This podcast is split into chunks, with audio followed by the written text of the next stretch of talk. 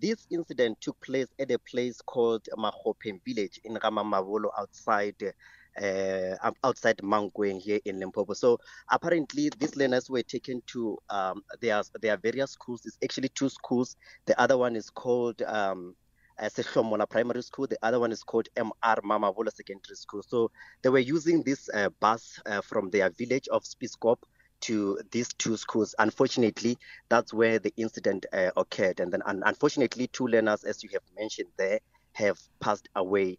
Uh, one of the learners was a primary school learner, and the other one was a secondary school learner.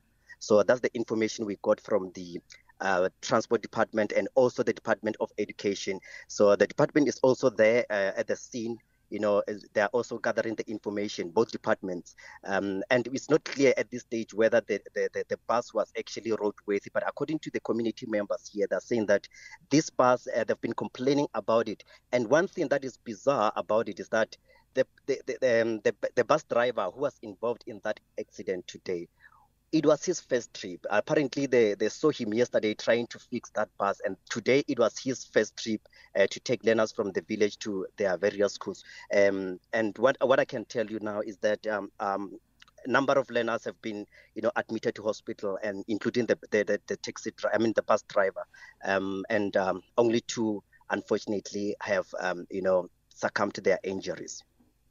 So, at this point, is there any indication of the number of learners who've been injured, or are we still trying to find out from the authorities, Kokecha? Yes, we're still trying to get that from the authority. They're saying that they'll confirm that once they they get um, you know a report from the hospital about the number of learners who were admitted to hospital. But what they what they told me is that the bus was full to capacity when the incident occurred because apparently it was supposed to transport about 65 learners from primary from a local primary school, and then so it also um, uh, because there, there there is another bus which was actually you know, transporting high school learners. So that bus is not available today. So those learners, um, they were also using the very same bus which is uh, was supposed to transport only primary school learners. So both high school and primary school learners, you know, were using that bus today. So up over 60 learners were actually in that bus when the incident uh, occurred. And the parents, have they started gathering uh, at the, the accident scene as yet, Koketo? Yes, the parents have been here since the early hours of this morning when the incident took place, and they are saying that they are furious. They are saying that they've been trying to engage the Department of, of, of, of Education to say their buses are not roadworthy, their buses are not safe uh, to transport those learners. So they're saying that um, even uh, uh, two weeks ago, they, they've been trying to engage the circuit managers, but they didn't get any positive response. And they are saying that they believe surely that this bus is not roadworthy. As um, they've told me that yesterday they saw the bus driver, you know, trying to fix it. They're saying that this is the third bus driver. The two have already, you know, um, you know, left the job.